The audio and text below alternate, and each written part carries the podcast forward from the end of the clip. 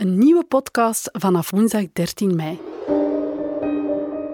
Ik ben Karen Hellemans, hoofdredactrice van Libelle. Elke dag komen er op onze redactie verhalen binnen.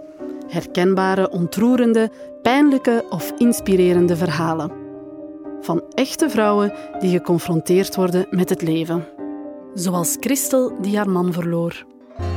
Ik heb het kunstwerk De Schreeuw nooit begrepen tot ik mijn jongste dochter haar gezicht zag. Of Monica die op zoek ging naar haar biologische moeder. Dan lag ik op de bevallingstafel en dan dacht ik van als je nu je kind moet afstaan, dat is verschrikkelijk, verschrikkelijk, verschrikkelijk. Aan ons vertellen ze hun verhaal en wij maken er een podcast van als steun en inspiratie voor jou. Mijn verhaal, een podcast van Libelle gemaakt door het Geluidshuis.